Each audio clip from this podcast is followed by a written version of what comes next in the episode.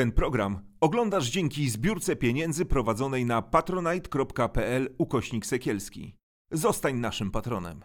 Witam Was wszystkich. Ja się nazywam Artur Nowak, a moim Waszym gościem jest dzisiaj profesor Tadeusz e, Bartoś. E, specjalnie nie, nie wybierałem żadnego tematu do tej rozmowy, bo nasz gość to jest osoba, którą z całą pewnością jest atrakcją samą w sobie dla naszych widzów. Często zresztą w komentarzach e, prosicie o to, żeby zapraszać profesora. No więc jest kolejny raz, drugi już raz u nas. Mam nadzieję, że po raz nie ostatni. Witaj Tadeuszu. Dzień dobry, witam wszystkich bardzo serdecznie. Sporo się dzieje. Ja myślę, że ta dynamika e, chyba dobrych rzeczy, które się dzieją w naszym społeczeństwie, bo ciągle mówimy o tym, co jest złe, co jest tym inwentarzem tego katolickiego PRL-u i czasów zaborów, ale musimy powiedzieć, że dużo dobrego się dzieje e, z naszym społeczeństwem. Ostatnio taka inicjatywa dotycząca na przykład e, likwidacji e, spowiedzi. Politycy coraz bardziej odważni, politycy Koalicji Obywatelskiej, którzy mówią od, od Janie Pawleniu, to jest ciekawe zjawisko. No czekam co dalej, może jakieś doły partyjne w PiSie podejmą to i, i też y, zaczną być trochę antyklerykalne. Też jesteś optymistą, jak na to wszystko patrzysz? No tutaj wystarczy czas, żeby y, zmiany, które nazywamy sekularyzacją, czy też osłabieniem wpływów Kościoła katolickiego w Polsce, sam czas wystarczy, żeby te zmiany nastąpiły, ponieważ zmienia się społeczeństwo, a ten układ bardzo hermetyczny, jaki wykształci się w PRL-u, czyli ścisła cenzura, limitowanie tego dostępu do kultury, do świata, e, która sprzyjała koncentracji na e, kwestiach religijnych. Tego już nigdy, mam nadzieję, nie będzie.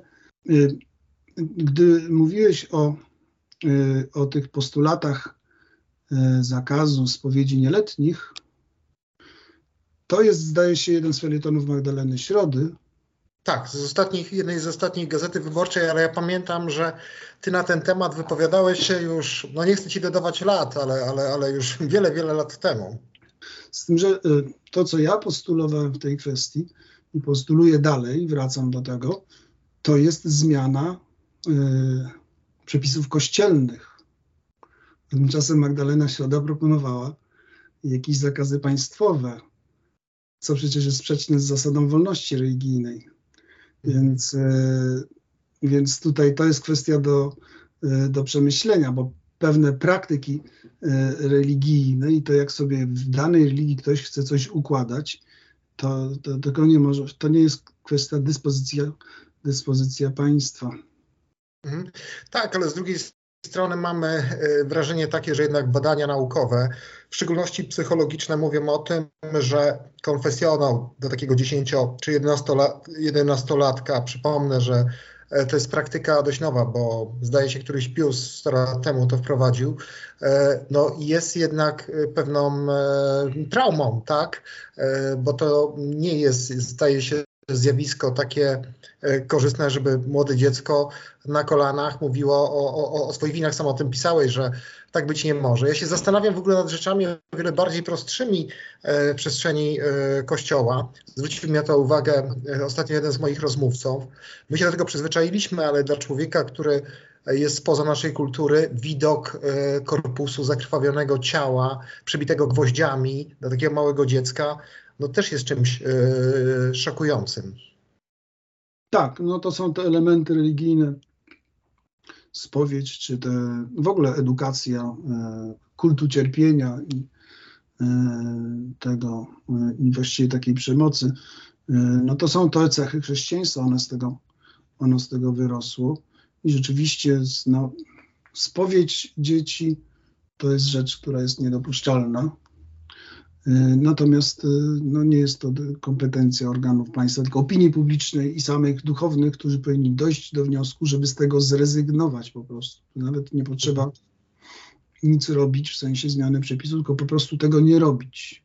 Mhm. E, dzieci mogą spokojnie przystąpić do komunii bez spowiedzi, ponieważ one, zanim nie osiągną tego świadomości swoich czynów, nie mogą zgodnie z prawem kanonicznym popełniać przestępstw zwanych grzechami ciężkimi. Po prostu nie mogą tego i one nie mają się z czego spowiadać. Bo spowiedź jest, celem spowiedzi jest uwolnienie od grzechów ciężkich, żeby móc z powrotem przystępować do komunii. I, no i to niestety, y, mimo, mimo te, takiej teologii katolickiej, dziś obowiązującej, praktykuje się pierwszą spowiedź, ponieważ ona głęboko traumatyzuje i uzależnia te ofiary dziecięce od systemu, no właśnie takiego y, trzymania ciągle w poczuciu winy. Mhm. Ale zdaje się, że to przywiązanie w ogóle takie opresyjne do, do kościoła, do religii, do pewnych formuł kultu nie dotyczy tylko dzieci. Mieliśmy ostatnio też e, taki duży e, reportaż Marcina Wójcika, osoby, która się od jakiegoś czasu już zajmuje tematyką e, religijną. Zapraszam Was do wysłuchania. Marcin był gościem. Zdaje się, ten program napisał, nazywał się Co po celibacie. Wiem, że miałeś okazję czytać ten tekst. Ja muszę powiedzieć, że E, pomimo tego, że no, wiele już o, o Kościele wiem, wiele słyszałem i tam w zasadzie nic wielkiego nie zostało powiedziane, to jednak jestem trochę wstrząśnięty, bo to jest chyba pierwszy tego typu reportaż, w którym księża e, geje tak otwarcie mówią e, o tym swoim, e, o tym swoim drugim życiu, ale z drugiej strony e, przeraża mnie to, że absolutnie nic by nie zmienili w nauczaniu Kościoła. To znaczy, że oni e, tworząc z jednej strony E, strukturę, no może inaczej, będąc e, osobami, które są budulcem tej struktury, są osobami homoseksualnymi, które powinno zależeć na tym, żeby po prostu e, no, stanowisko Kościoła było zgodne z, ze stanowiskiem e, nauki w tym przedmiocie, e, bardzo represjonują tą swoją seksualność. Ty jesteś zdziwiony taką postawą? No ten reportaż jest o tyle cenny, że rzeczy, które ja mogłem, że tak powiem, e, wyspekulować z obserwacji, nie będąc nigdy w tym towarzystwie gejowskim, kościelnym księży e, e, aktywnym, ani w ogóle w jakikolwiek sposób do, dopuszczony, że, nie mając w ogóle świadomości, że, tak, że ten klub jest tak wielki i tak wpływowy, ale domyślając się różnych rzeczy, no teraz z tych spekulacji takich powiedzmy modelowych, że tak to musi wyglądać. Teraz mamy konkretny materiał, konkretnych ludzi, którzy otwarcie mówią, to jest coś najcenniejszego, bo przemawia do y, wyobraźni i pokazuje, jest takim jest czymś, co jest nieodparte, nie da się tego odrzucić. A, a, a, a analizy czy socjologiczne, czy psychologiczne takiego materiału, no one będą nam pokazywać to, y, no tak jak mówiłeś, że Mhm. Oni są wewnątrz pewnego systemu. Dla niektórych z nich ten system jest komfortowy. Ten mhm. układ jest komfortowy. To ma, e, e, e Martel w tej książce Sodoma I opisywał całe to pokolenie ludzi, którzy wchodzili do świat, świat duchownych ze względu na swoją homoseksualność, żeby ją ukryć, żeby ją, żeby ją żeby móc jakoś żyć w miarę dobrze. To jest męskie towarzystwo, więc y, dla niektórych z tych właśnie osób homoseksualnych to jest idealne rozwiązanie, jakie mają. Oni nie mają innego pomysłu na własne życie. Motywacja, że nie chcą zmieniać systemu, ponieważ ten system ich chroni, ten system im daje żyć, ten system ich żywi, czy y, kapłan seksualny, homoseksualny, czy heteroseksualny, w pewnym momencie swojego zaangażowania w ten świat, po prostu nie ma później gdzie pójść.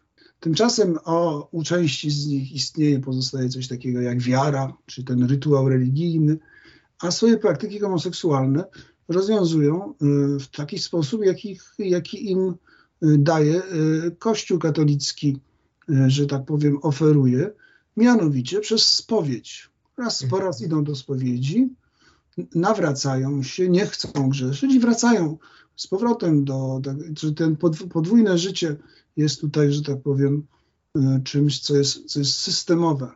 To nie jest, mhm. to nie jest i tylko ci ludzie, że oni tak wybrali, oni zostali wprowadzeni w taki system i jakby skłonieni do życia właśnie w ten sposób. Jest taka książka nowa na rynku, którą wydała Czarna Owca, Kasta Nieskazitelnych, y, Marco Marzano. Marco Marzano prawdopodobnie będzie jednym z naszych gości w najbliższym odcinku. Nie wiem jeszcze, jak sobie poradzę z tłumaczeniem, ale myślę, że jakoś damy radę. No i on pisze coś, co pewnie ciebie nie zdziwi, to znaczy on przywołuje badania Richarda Saipa, e, Kozensa, który mówi wprost, że mm, e, no, kapłaństwo stało się gay professional, e, że w Stanach Zjednoczonych, w, w Niemczech, tak, w tych y, krajach na zachód od Odry, rzeczywiście preferencja jest, y, jeśli chodzi o, o, o tą tożsamość seksualną, no właśnie ta znienawidzona przez Kościół. Ty mówisz o pewnej logice tutaj tego, że ten system się utrzymuje. To znaczy, że z jednej strony jest to nieracjonalne, bo to jest jak gdyby występowanie przeciwko swojej tożsamości, a z drugiej strony korzystne bardzo. Tylko ja się zastanawiam, na ile to nie jest tak, jak pisał Martel wspomniany przez ciebie, że o ile w latach 70. gdzieś tam na południu Włoch rzeczywiście Kościół był taką przestrzenią, w której można było uciec przed tą swoją tożsamością homoseksualną, no to w tej chwili nie trzeba nigdzie uciekać, no bo myślę, że trochę czasy się zmieniły i w takim nawet zaściankowym kraju, jakim jest Polska, no bycie osobą homoseksualną w dużym ośrodku, czy nawet takim średnim, nie jest już jakimś powodem do, do, do, do, do jakiejś przykrości, że to się zmienia i w związku z tym są te nadzieje na zmiany w Kościele. Ja zaraz przejdę do Twojego sporu z, ze Stanisławem Obirkiem, który, z którym się prywatnie przyjaźnicie na temat tych perspektyw zmian w Kościele. Natomiast ja chciałem Cię właśnie o to spytać po prostu, czy Ty nie uważasz, że to jest może jakiś czas, że, że, że jak gdyby ta samowystarczalność tego systemu logicznie niezrozumiałego się wyczerpała? No i ci rozmówcy redaktora Wójcika w tym artykule w dużym formacie i sam Martel w swojej książce, oni zwracają uwagę, że nawet jeśli na poziomie szeregowych księży ten procent osób homoseksualnych to jest Richard Saip zdaje się też takie spekulacje robił 10, 20, może 30%, różnie to się może rozkładać, co oznacza, że mogą być parafie 100% gejowskie, bo znaczy oni mówią, przepraszam, że cię trochę naprostuję, bo oni mówią o 50%, mówią, że w korpusie biskupim no to jest 70-80%. Saip wymienia nawet nazwiska papieży, którzy są homoseksualni, byli homoseksualni. Saip nie żyje już tak na marginesie, ten Benedyktynin. Aha, aha. Mhm. No to może nie doczytałem. No tak czy inaczej, właśnie chciałem, bardziej zmierzałem ku temu, że, że właśnie w hierarchii tam się robi 90%. Tak. Więc Inicjatywa to jest już tak. tak dziś tak. tą hierarchię mamy właśnie w takim składzie, więc ona w jakimś procesie w tej selekcji w ciągu kilkudziesięciu lat doszło do tego, że mamy większość homoseksualną wśród episkopatu światowego, po prostu wszędzie na świecie. Co oznacza, że jednak tam ten narybek jednak był. Gdzieś właśnie w latach 70. oni wstępowali, do, stawali się księżmi pewnie 60. niektórzy i tak dalej. W Polsce ten, ta otwartość na, ho, na homoseksualność w tym sensie, że można w sposób publiczny, bez, bez jakiegoś napiętnowania funkcjonować jako osoby homoseksualne, to jest dopiero proces, który się zaczyna. I, I to, że tak powiem, no nie stanie się od razu. Więc są młodzi księża, którzy wstępują do, i stają się księżmi z uwagi właśnie na swoją homoseksualność. Ale rzeczywiście 20-30 lat temat się, że tak powiem, oklepie prawdopodobnie. W związku z tym nikt nie będzie, że tak powiem, jakoś nastroszony, myśląc o sobie homoseksualnej, czy więc, więc to pewnie też, to też, i to jest przyczyna zaniku powołań, w sensie jest mniej ludzi chętnych bycia księżmi w takim układzie, bo on już nic nie daje. Mhm. Wtedy nie daje schronienia osobom homoseksualnym, bo one już nie potrzebują schronienia, mogą sobie żyć gdzie indziej. No i tyle. Mhm.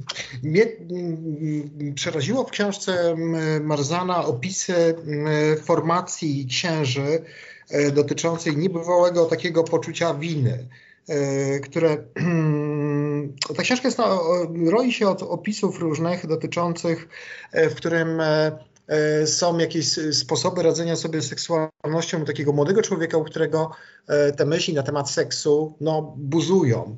E, I jest mniej więcej taki, między innymi taki opis. Jednego z kleryków na przykład dwukrotnie podczas Wielkiego Postu Obiecywałam uroczyście Madonnie, że nie dotknę się już przez całe 40 dni oczekiwania na Wielkanoc.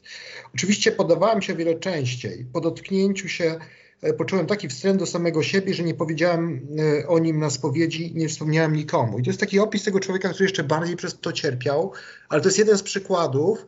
Jeśli bym miał znaleźć jakiś mm, wspólny mianownik tych opisów, też e, z tego tekstu Marcina Wójcika, o którym mówimy, to jest to, E, że to jest takie poczucie porażki, tak, e, związane z tym, co się wydaje nieuchronne, no bo przecież Maslow mówi, że potrzeba seksualna jest e, zupełnie podstawową potrzebą. Ja chciałem się Cię zapytać, jak według Ciebie to może mieć, jaki to może mieć wpływ na tą represyjność naszych biskupów, księży? No bo widzimy, jacy oni są zafiksowani jednak na e, punkcie e, seksu. To wbrew pozorom się nie zmienia. Co jakiś czas e, mamy jakieś informacje o tym takim niebywałym, konserwatywnym podejściu i w zasadzie wychowaniu w nienawiści do ciała wręcz. Tak, no, e, tylko że jeśli biskupi tak mówią, już jak się zachowują, jeśli, jeśli e, duchowni tak mówią, tak się zachowują, jeśli tak kształcą dzieci od, od, od małego przez system spowiedzi między innymi, to jest tak dlatego, ponieważ katolicyzm na tym polega. To nie jest fanaberia tych ludzi. może nie istotą katolicyzmu, ale rzeczą, która należy do istotnych cech tego katolicyzmu, jaki jest. E, od powiedzmy od czasów Augustyna, ale i wcześniej, ruchów mniejszych w Egipcie i różnych tekstów świętego Pawła, który przecież był inspiracją dla tej wrogości dla seksualności. Katolicyzm jest wrogi seksualności. Celibat, y, najpierw mniejsi, później celibat dla wszystkich duchownych w średniowieczu, to jest konsekwencja pewnej typu mentalności. Gdyby zajrzeć na przykład do świętego Augustyna jego wyznań, on tam właśnie y, głównie zajmuje się pokazywaniem, jaki jest grzeszny. Krótko mówiąc, on całe y, swoje dojrzewanie opisuje jako wyznanie grzechu, dojrzewanie seksualne. Wszystko jest w katolicyzmie, wszystko jest napiętnowane, y, no, wszystko, co jest seksualność, jest napiętnowane winą, jest złem.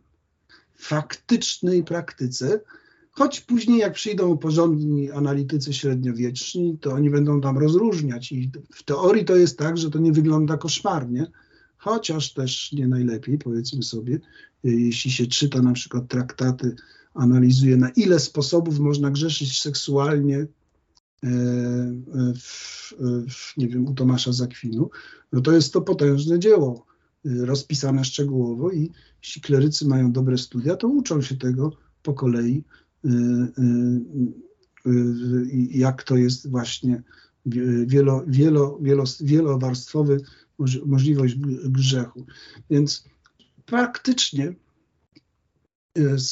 seksualność jest czymś złym, to ta niechęć, nienawiść do seksualności, do pożądania jest czymś, co przetrwało w katolicyzmie. Duży wpływ świętego Augustyna, który był manichejczykiem i tak naprawdę, zanim został chrześcijaninem, i tak naprawdę się z tego nie wyzwolił. Jeśli mamy dziś duchownych, to oni są właśnie w tym świecie. Nie ma się co dziwić, że ptaki latają, nie ma się co dziwić, że kler katolicki jest wrogu seksualności, ponieważ to jest istotny element tej tradycji. Nie doktryny, bo doktryna jest sprytna, e, ale doktryna jest sprytna, ona nie popada w skrajności, redukuje skrajności, ale praktyka taka jest, jaka jest. Łącznie z, no tutaj z tym ostatnim takim przebłyskiem brania seksualności jako takiego no, pola możliwych grzechów, czyli te wszystkie traktaty, pisma, nauczanie Jana Pawła II. To rzecz też jest wrogie, wrogie seksualności. Chcę ją kontrolować. Mam takie, mam takie wrażenie, że o ile Paweł VI wyhamował Sobór, to, to absolutnie Jan Paweł II go zupełnie zamroził. Ta cała jego fiksacja związana z teologią ciała, wpływ tej patologicznej teologii Wandy Półtawskiej, I w zasadzie te jego kobiety, pisaliśmy o tym z, Stanisławem Obirkiem, e, jak gdyby wysublimowane, e, odarte, znaczy może inaczej, sterylne na seksualność, nieprzemakalne na seksualność. Faustyna, która opiewa właśnie czystość, te obsesje półtawskie, tego się nie da oglądać, to powinno być zabronione na YouTubie, co ona opowiada na temat właśnie mm, kobiet, prokreacji i tak dalej, czy, czy, czy, czy wreszcie E, e,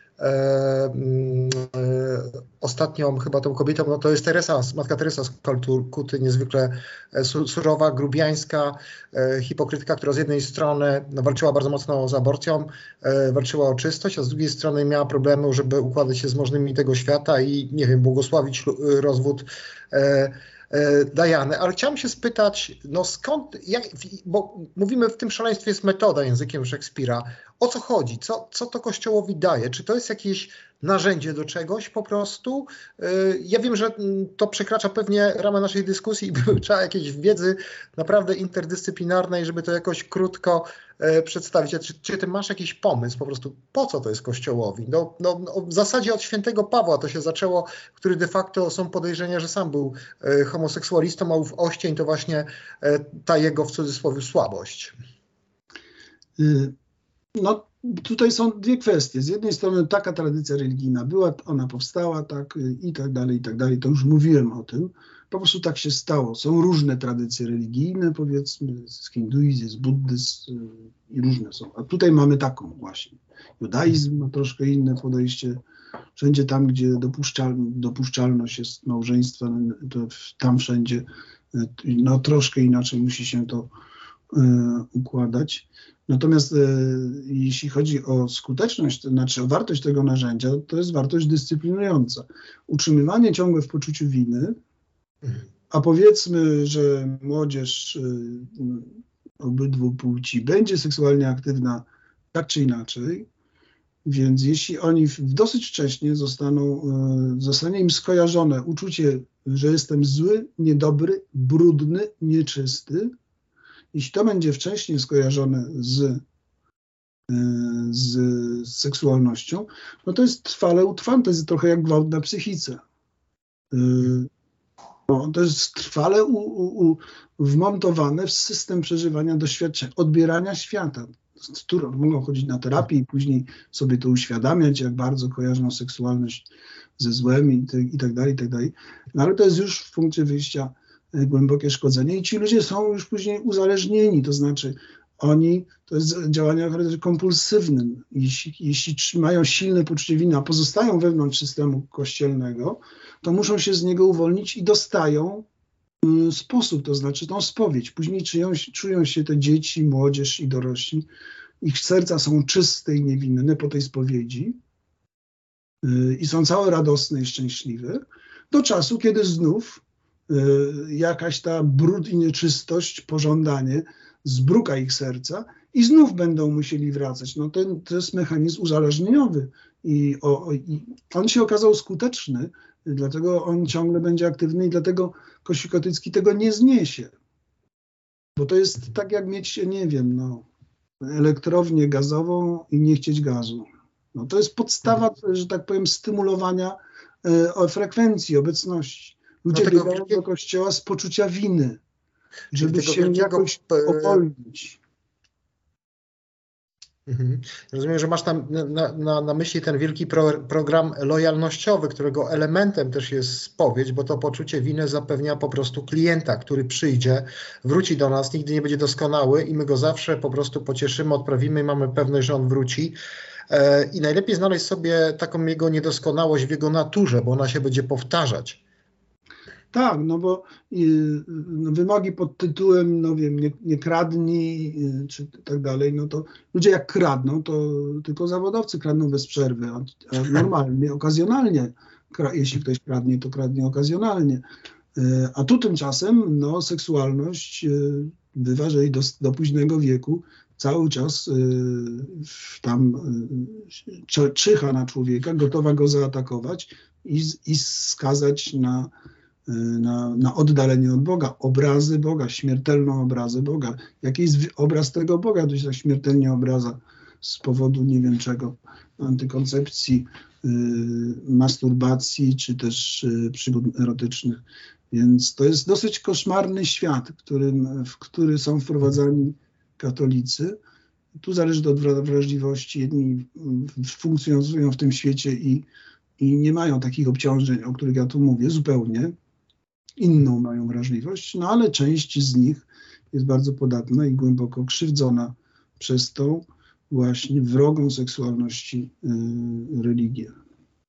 Sporo ostatnio czytam, bo dużo jest na ten temat lektur, ty pewnie też się tym spotkałeś już od lat. Mówi się, że to właśnie wychowanie, indoktrynację to jest wgrywanie pewnego programu, który po prostu się instaluje u nas, e, że te neurony działają na zasadzie właśnie odtwarzania tych słów, które na co dzień słyszymy. O tej winie, e, o tym wstydzie, i trochę wracamy do tego punktu wyjścia naszej dyskusji na temat tej spowiedzi, no bo tam to uprzyrządowanie E, no, nabiera takiej mocy, te, te zwoje po prostu się zawiązują. Słyszymy już o gabinetach psychologicznych, w których kobiety wychodzą z tego paradygmatu, tej nerwicy eklezjogennej, tego trwania w przemocowym związku, e, w, te, w, tej takiej, w tym takim po prostu wstydzie, że, że nie mogą rozwinąć skrzydeł, tylko no, no, żyją w takiej represji jakiegoś pijaka po prostu, dlatego że trzeba zachować ten święty sakrament małżeństwa. I o tej szkodliwości mówiłem i sam się zastanawiam, kto ma rację, czy Magdalena Środa, czy ty tutaj. Ale mm, wracając do, e, do tematu, myślisz rzeczywiście e, zrywamy z tymi paradygmatami, e, ty to widzisz, czujesz taką dużą zmianę, no bo mówię z jednej strony o, o tym, że mm, rzeczywiście to jest naturalne dla ciebie i ty w ogóle nie jesteś zdziwiony, bo w tym kierunku to musi pójść, choćby nie wiem, co tam się działo. Zastanawiam się, dlaczego tak się dzieje, że tak mocno nasze elity są e, odpiłowane od tego, co mówią ludzie. No bo ludzie, zdaje się, mają dość jasne przekonanie na temat e, Kościoła i to się bardzo zmieniło w ostatnich latach. Mamy na ten temat badania, a z drugiej strony e, na szczeblu, nie wiem, opiniotwórczych redakcji, e, polityków, e, no jednak pewnych środowisk intelektualnych, tak, które powinny kształtować opinię publiczną, jest duży to opór. To jest zjawisko odwrotne, bo powinno być chyba inaczej zupełnie. No, zmiany dokonują się w społeczeństwie. One są stopniowe, rozłożone na kilka pokoleń, jeśli ten trend będzie się kontynuowany. Zmian żadnych nie należy się spodziewać w Kościele katolickim, bo nie po to jest Kościołem katolickim, żeby rezygnować z swojej istotowej części, bez której on nie ma modusu y, przetrwania. Y, a jeśli chodzi o, o, o środowiska opiniotwórcze, y, politycy, no cóż, największa partia jest największą partią z uwagi na to, że trzyma się tego narzędzia pod tytułem Kościół katolicki. Ten sojusz dalej działa, więc musimy tak na to spojrzeć. Żaden z polityków nie chciał ryzykować takiego mm, otwartego, y, kryty, krytyki otwartej pewne rzeczy w Kościele katolickim, dlatego że nie, nie wie, jak to będzie y, wpływało na, na frekwencję, znaczy na zwolenników. Więc mamy tutaj teraz pewną zmianę w deklaracjach Donalda Tuska, który mówi, że na liście wyborczej będą tylko ci, którzy poprą zmiany w przepisach aborcyjnych. No ale jakiegoś takiego y, większego, tutaj, bo to jest rzecz pilna i to jest pewnie policzone, że, y, że kobiety z tej partii, czy z tamtej, y, to, że tak powiem, to jest ryzyko, które warto podjąć, tak powiedzmy, ale ryzyko, które warto.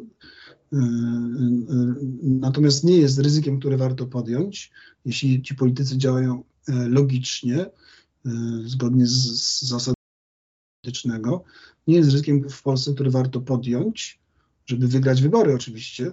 E, na przykład deklarować, że po dojściu do władzy rozwiążemy konkordat. Tych mhm. deklaracji nie ma i nie będzie, bo nie wiadomo, to jest dosyć abstrakcyjne. Specjaliści się tam tym, dzisiaj Stanisław Birek w Gazecie Wyborczej na ten temat się powiedział. E, natomiast no, nie jest to coś, co, e, co jest tematem, który przyniesie głosy wyborcze, a politycy przynajmniej w okresach, kiedy starają się o wygranie wyborów, y, a one trwają pewnie cały czas, te okresy starania się o wygranie wyborów, no nie podejmują tematów, które mogą im nie, przy, nie przynieść korzyści politycznych. Co to oznacza? To oznacza, że to polskie społeczeństwo takie jest, jakie jest. Takie, I politycy są tacy, bo są wypadkową tego, czego, co, co domyślają że się, że ludzie chcą usłyszeć. No więc jeśli ludzie chcieliby bardzo usłyszeć różne rzeczy, no to by słyszeli, ale jako nie chcą, to nie słyszą i tyle. Kurczę, nie wiem, czy do końca się zgadzam z tym. E, wiesz co, no bo z jednej strony oczywiście zgadzam się z tobą, tak to logicznie powinno wyglądać. Natomiast z drugiej strony mamy badania, które pokazują, że no, Polacy są, przynajmniej polska młodzież, liderami w tej populacji, która zamyka za sobą drzwi kościołów i nigdy do nich nie wróci, tak? E, coraz więcej e, osób, które cieszą się opinią publiczną, mówią, o apostazji, tak? To już nie jest tylko, yy, zdaje się, yy, już nie pamiętam, podsiadło, tak? Yy, drugi jakiś wokalista przed chwilą e, na, tym, e, na, na ten temat y, y, pisał. Może się mylę, ale wydaje mi się, że to jest Cortez. Kolejna sprawa to jest takie, że mamy puste seminaria. 80 czy 90% respondentów mówi, że nie chce przywilejów dla Kościoła. To też jest elektorat PiS. Jak słucham TVN-u, czytam Gazetę Wyborczą i słucham niektórych podcastów, to mam takie wrażenie, że to są dwa światy e, i, i niekoniecznie jest tak, że e, podcasty, YouTube czy w ogóle internet nie jest w stanie już w tej chwili zbudować jakiejś opinii publicznej e, skupionej wokół zatomizowanych liderów, którzy no, chyba są trochę jednak z innego świata i ciągle nie mogę tego zrozumieć. Czy to jest taki problem metrykalny właśnie ludzi, którzy kształtują opinię publiczną? No Donald Tusk ma już prawie 70 lat, tak? E, e, powiedzmy sobie szczerze, Adam Michnik ma 70 kilka, tak? E, czy to jest problem mentalnościowy, e, że tym badaniom, tym zjawiskom, o którym ja mówię, e, nie odpowiada e, to, co słyszymy z tych ośrodków opinii e, publicznych, które powinny ją kształtować. A może jestem zbytnio radykalny, no ja nie wiem. No tu, to już są te kwestie obliczeń elektoratu i tendencji takich bardzo szczegółowych, jakie powinni robić przynajmniej politycy. Adam Michnik, z tego co wiem, to on jakiś przeciwnikiem wolnej miłości nie jest, więc tutaj bym go nie zaliczał do grupy wrogów seksualności. Y, natomiast y, rzeczywiście to, co ja przedstawiłem, mówiąc przed chwilą, to powiedziałem o tym, jak to, ta praktyka polega na takiej silnej reaktywności. To znaczy, mhm. polityka przedstawiłem jako wypadkowego, wypadkową tego właśnie, co z badań wynika. On po prostu to mówi, co mu z badań wynika, że trzeba mówić. Y, ta taktyka się sprawdza, nie sprawdza, ale rzeczywiście można sobie wyobrazić takie trzy ruchy polityczne czy społeczne, które nie tylko reagują i powtarzają to, co ludzie właśnie chcą usłyszeć, ale są trochę krok do przodu, bo opinię publiczną można też kształtować. To robią dziś w Polsce media, dzięki temu właśnie, co robią, my to mówiliśmy o reportażu Michała Wójcika i tak dalej. E, natomiast e, opinię publiczną można kształtować i można pewne tendencje, ale to trzeba mieć, nie wiem, charyzmę, trzeba mieć możliwości, nie każdy to potrafi, nie każdy potrafi być takim wodzem, za którego ideami wszyscy pójdą. No to jest złożona rzecz. Ale prawdą jest, że to nie jest niekoniecznie tak, że trzeba tylko reagować, trzeba umieć zaryzykować mhm, no pewne właśnie. tezy. Y, I rzeczywiście, no to już przechodzimy w analizy polityczne, ale, y, ale no taka wieloznaczność oblicza że raz są trochę bardzo by chcieli, ale bardzo by nie chcieli i tak są przeciwko Kościołowi, ale tak nie za bardzo. I nie będą na kolanach, będą wstawać z kolan, nie będą tak klękać przed Kościołem, no ale później właściwie nic z tego nie wychodzi.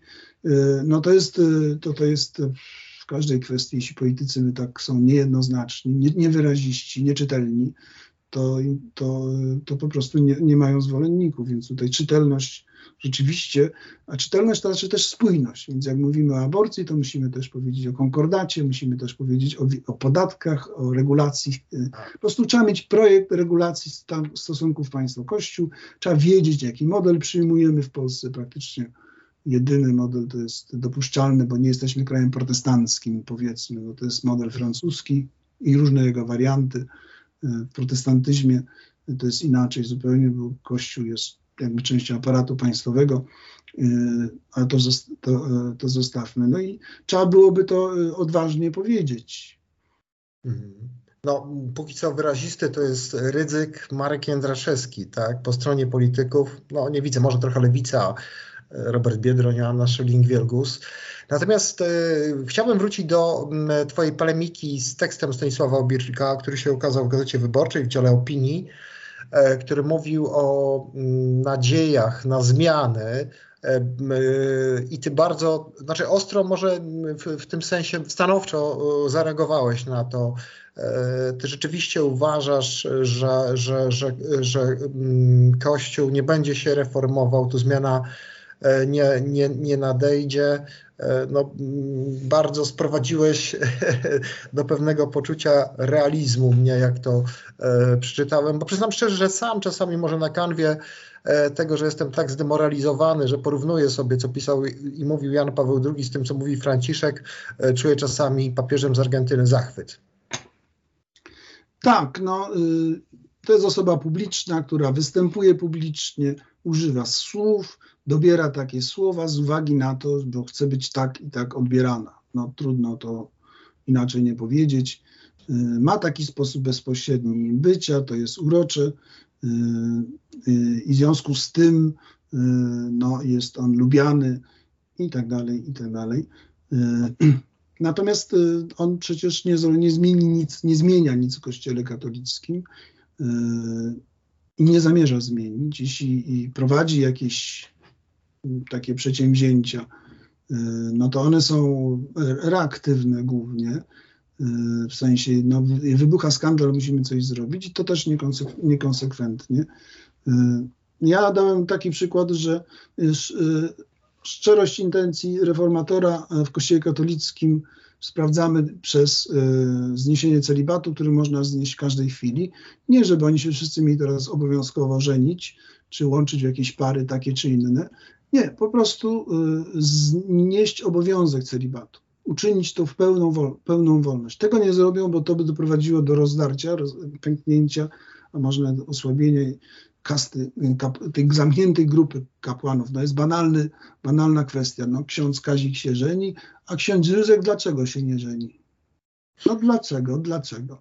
Krótko mówiąc, jest to dekonspiracja gejów, ich autowanie zwykłe, więc oni tego nie chcą. Jest jeszcze wiele innych tych elementów, no jeśli, jeśli duchowne y, na rodzinę. No nie można nim pomiatać jak szmatą, bo tam są y, dzieci za tym, tam jest rodzina, tam jest szkoła. Musiałby się kompletnie zmienić ten system przenoszenia, przerzucania, karania w nagrody i tak dalej. Cały ten system oligarchiczny byłby, jego funkcjonalność by się y, zmniejszyła i wiele, innych, wiele innych kwestii. Więc, a papież Franciszek nie zmienia tego. To znaczy, przecież wiadomo już, ja uczestniczyłem w różnych dyskusjach wiele lat, przez te ostatnie 10 lat w różnych telewizjach i zawsze, gdy, gdy mówiłem, że celibat jest przyczyną tych różnych przestępstw seksualnych, to oni się pukali po głowie, mówili, że jestem, że wysysałem sobie to z palca ksiądz Prusak, tam Górzyński, Dominikani i wielu, wielu innych. No i no ja nie wiem, czy dalej tego nie widzą, że, znaczy, raport, raport... do seksualności, celibat i to wszystko, to powoduje, że ci ludzie nie wiedzą, co z tą seksualnością robić i szukają sobie kompensacyjnych, zastępczych środków rozładowania poprzez uwodzenie nieletnich. Często to nie są dzieci w sensie y, poniżej tam szóstego czy siódmego roku. To są takie dorastające nastolatki, już będą mogące być obiektem seksualnym y, dorosłego człowieka, który nie musi mieć tej całej złożonej choroby pedofilskiej, która jest jakimś takim, jakimś zjawiskiem psychiatrycznym, więc to, to jest jakby ewidentne, ale oni tego nie przyjmują do wiadomości. Celibat w ogóle jest bardzo dobry i, i i fajnie. No jak, jak, jak papież tego nie zmienia, to znaczy on nie chce nic zrobić w kwestii przestępstw seksualnych, duchownych, y, tylko po prostu chce robić to, to, to znaczy gasić pożary. No. Y, jest wiele jeszcze innych kwestii. Ci ludzie są samotni, są nieszczęśliwi, y, są rozdarci. Czytaliśmy to u tego Wójcika rozmowy z księżmi homoseksualnymi. Są, oni chcą zachować... Uzależnienia też różne. Tak. Y, I, i dlaczego tych ludzi tak męczyć? Więc seksualność no, i, cały ten kompleks rzeczy, który dziś opisuje, y, opisuje, y, opisuje psychologia, no jest takim zjawiskiem, które nie można tak po prostu wyrzucić. Ma, ma nie być.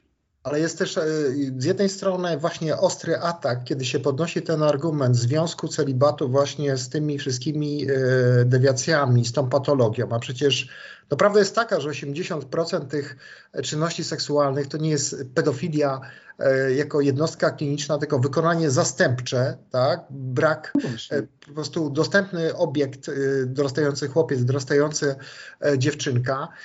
Mówią o tym badania australijskie, chyba bardzo jasno. To są ostatnie przeprowadzone takie gruntownie badania, które mówią, że pe przesłanką pedofilii jest nie tej klinicznej, ale tej zastępczej, jest właśnie celibat. I o ile rozumiem, że księża się przed tym bronią i podnoszą taki larum, Manuela Gretkowska, przypomnę, w jednym z naszych programów tutaj powiedziała, że pedofilia to zdaje się jest choroba zawodowa księży. Oczywiście to jest pewna hiperbola. To z drugiej strony się zastanawiam, czemu duże tytuły prasowe, duże redakcje tego wprost tak nie nazywają. Zauważyłeś, że, że jest z tym problem? No bo mówi się o tym zjawisku, jakby ono tak, wiesz, z nieba tutaj po prostu spadło bez żadnej e, przyczyny. Ja rzeczywiście obserwuję już nie tyle u księży, ale też e, właśnie w takiej debacie na temat tej pedofilii, no przecież mnóstwo się na ten temat mówi, ty też brałeś udział w jakiejś niepoliczalnej ilości dyskusji, kiedy się podnosi ten argument, no to się jakoś go po prostu chowa, neutralizuje, mówi się, że że, że, że to chyba nie jest istotą, że niby klerykalizm. No klerykalizm moim zdaniem to jest kwestia wtórna tutaj po prostu e, tuszowania tego. Y, tak, no jeśli chodzi o media, no to mamy sytuację póki co w Polsce, że te media są zróżnicowane i wolne, są komercyjne. W związku z tym, jeśli będzie temat, który się dobrze sprzeda, na pewno gwarantuję, on też będzie i kwestie celibatu też będą po, powstawać. Ja zaczynałem te krytyki y, tych, y, tego systemu kościelnego jeszcze w czasach, w których nie było ani filmu Sekielskiego, ani książki Martela. Były oczywiście jakieś tam książki, ale tego materiału, tak, tak.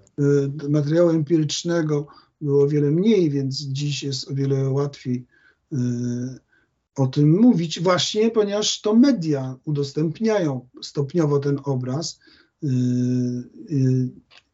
I myślę, że kwestia celibatu też będzie. Chociaż ona jest mniej słaby, trudniej ją pokazać, bardziej ją po prostu, to jest bardziej taka no już analiza materiału, bo trudno to pokazać w rozmowie z księdzem, on, jego deklaracja, że celibat jest przyczyną i, i tak dalej, no to przecież tego, tego typu rzeczy to ani nie wyjdą, ani, ani ksiądz, który jest ofiarą celibatu, nie musi być jakiś poziomu refleksji, który, który to, że tak powiem, uwiarygadnia, więc yy, no, więc celibat jest przede wszystkim papierkiem lakmusowym tego, że Kościół katolicki udaje, że robi reformy. Tak jak tam pisałem w tym artykule, trzeba czasami bardzo dużo zmienić, żeby zostało tak, jak jest. A celem jest to, żeby zostało tak, jak jest w Kościele katolickim. I jeśli chodzi o strategię globalną Kościoła katolickiego, to nie jest y, tak, że on musi jakoś strasznie la, la, jakby to powiem, lamentować, czy też biadolić, że źle jest i źle jest. Kościół katolicki znika, w sensie jest słabszy frekwencyjnie pod wieloma względami w Europie. I to już koniec. Mhm. On się ma dobrze, dlatego papież Franciszek się specjalnie nie przejmuje tą Europą, bo przecież centra mogą powstać gdzie indziej. Y, czy Afryka, czy Ameryka Południowa, y, pewnie także ten Filipiny, y, różne tam są te miejsca. On sobie dobrze radzi. Katolików zdaje się jest dalej miliard. Więc czym się przejmować? To są przesunięcia. Ten system, jaki jest, daje miliard uczestników, członków. A że w Polsce seminaria, ostatnio nie ma kleryków w seminariach, no to ja się pytam, a gdzie jest Polska? Bo już nie pamiętam. To jest przesunięcia pewne się w katolicyzmie dokonują w naturalny sposób i on nie będzie nic zmieniał, bo nie chce ryzykować, żeby to, co jest, jeszcze bardziej roz, rozpadło się. System zamkniętej kasty kleru, która nabudowuje się na ludzie, który to utrzymuje, to jest system kościelny. I zamkniętej kasty kleru nie można zlikwidować, bo wtedy nie ma w ogóle tej instytucji. Ona musi się chronić. Y, papież Franciszek, y, tutaj Staszek Birek też y, sugeruje, no, że jest ten proces synodalny i że właśnie, on, właśnie to papież Franciszek doprowadził do tego procesu, żeby doły się wypowiedziały. No to jest takie gadanie ludziom, żeby się wygadali. Ale z tego, co czytam w mediach, papież Franciszek bardzo nie lubi tego, co tam się dzieje w tej właściwie rzetelnej drodze synodalnej, jaka jest w Niemczech.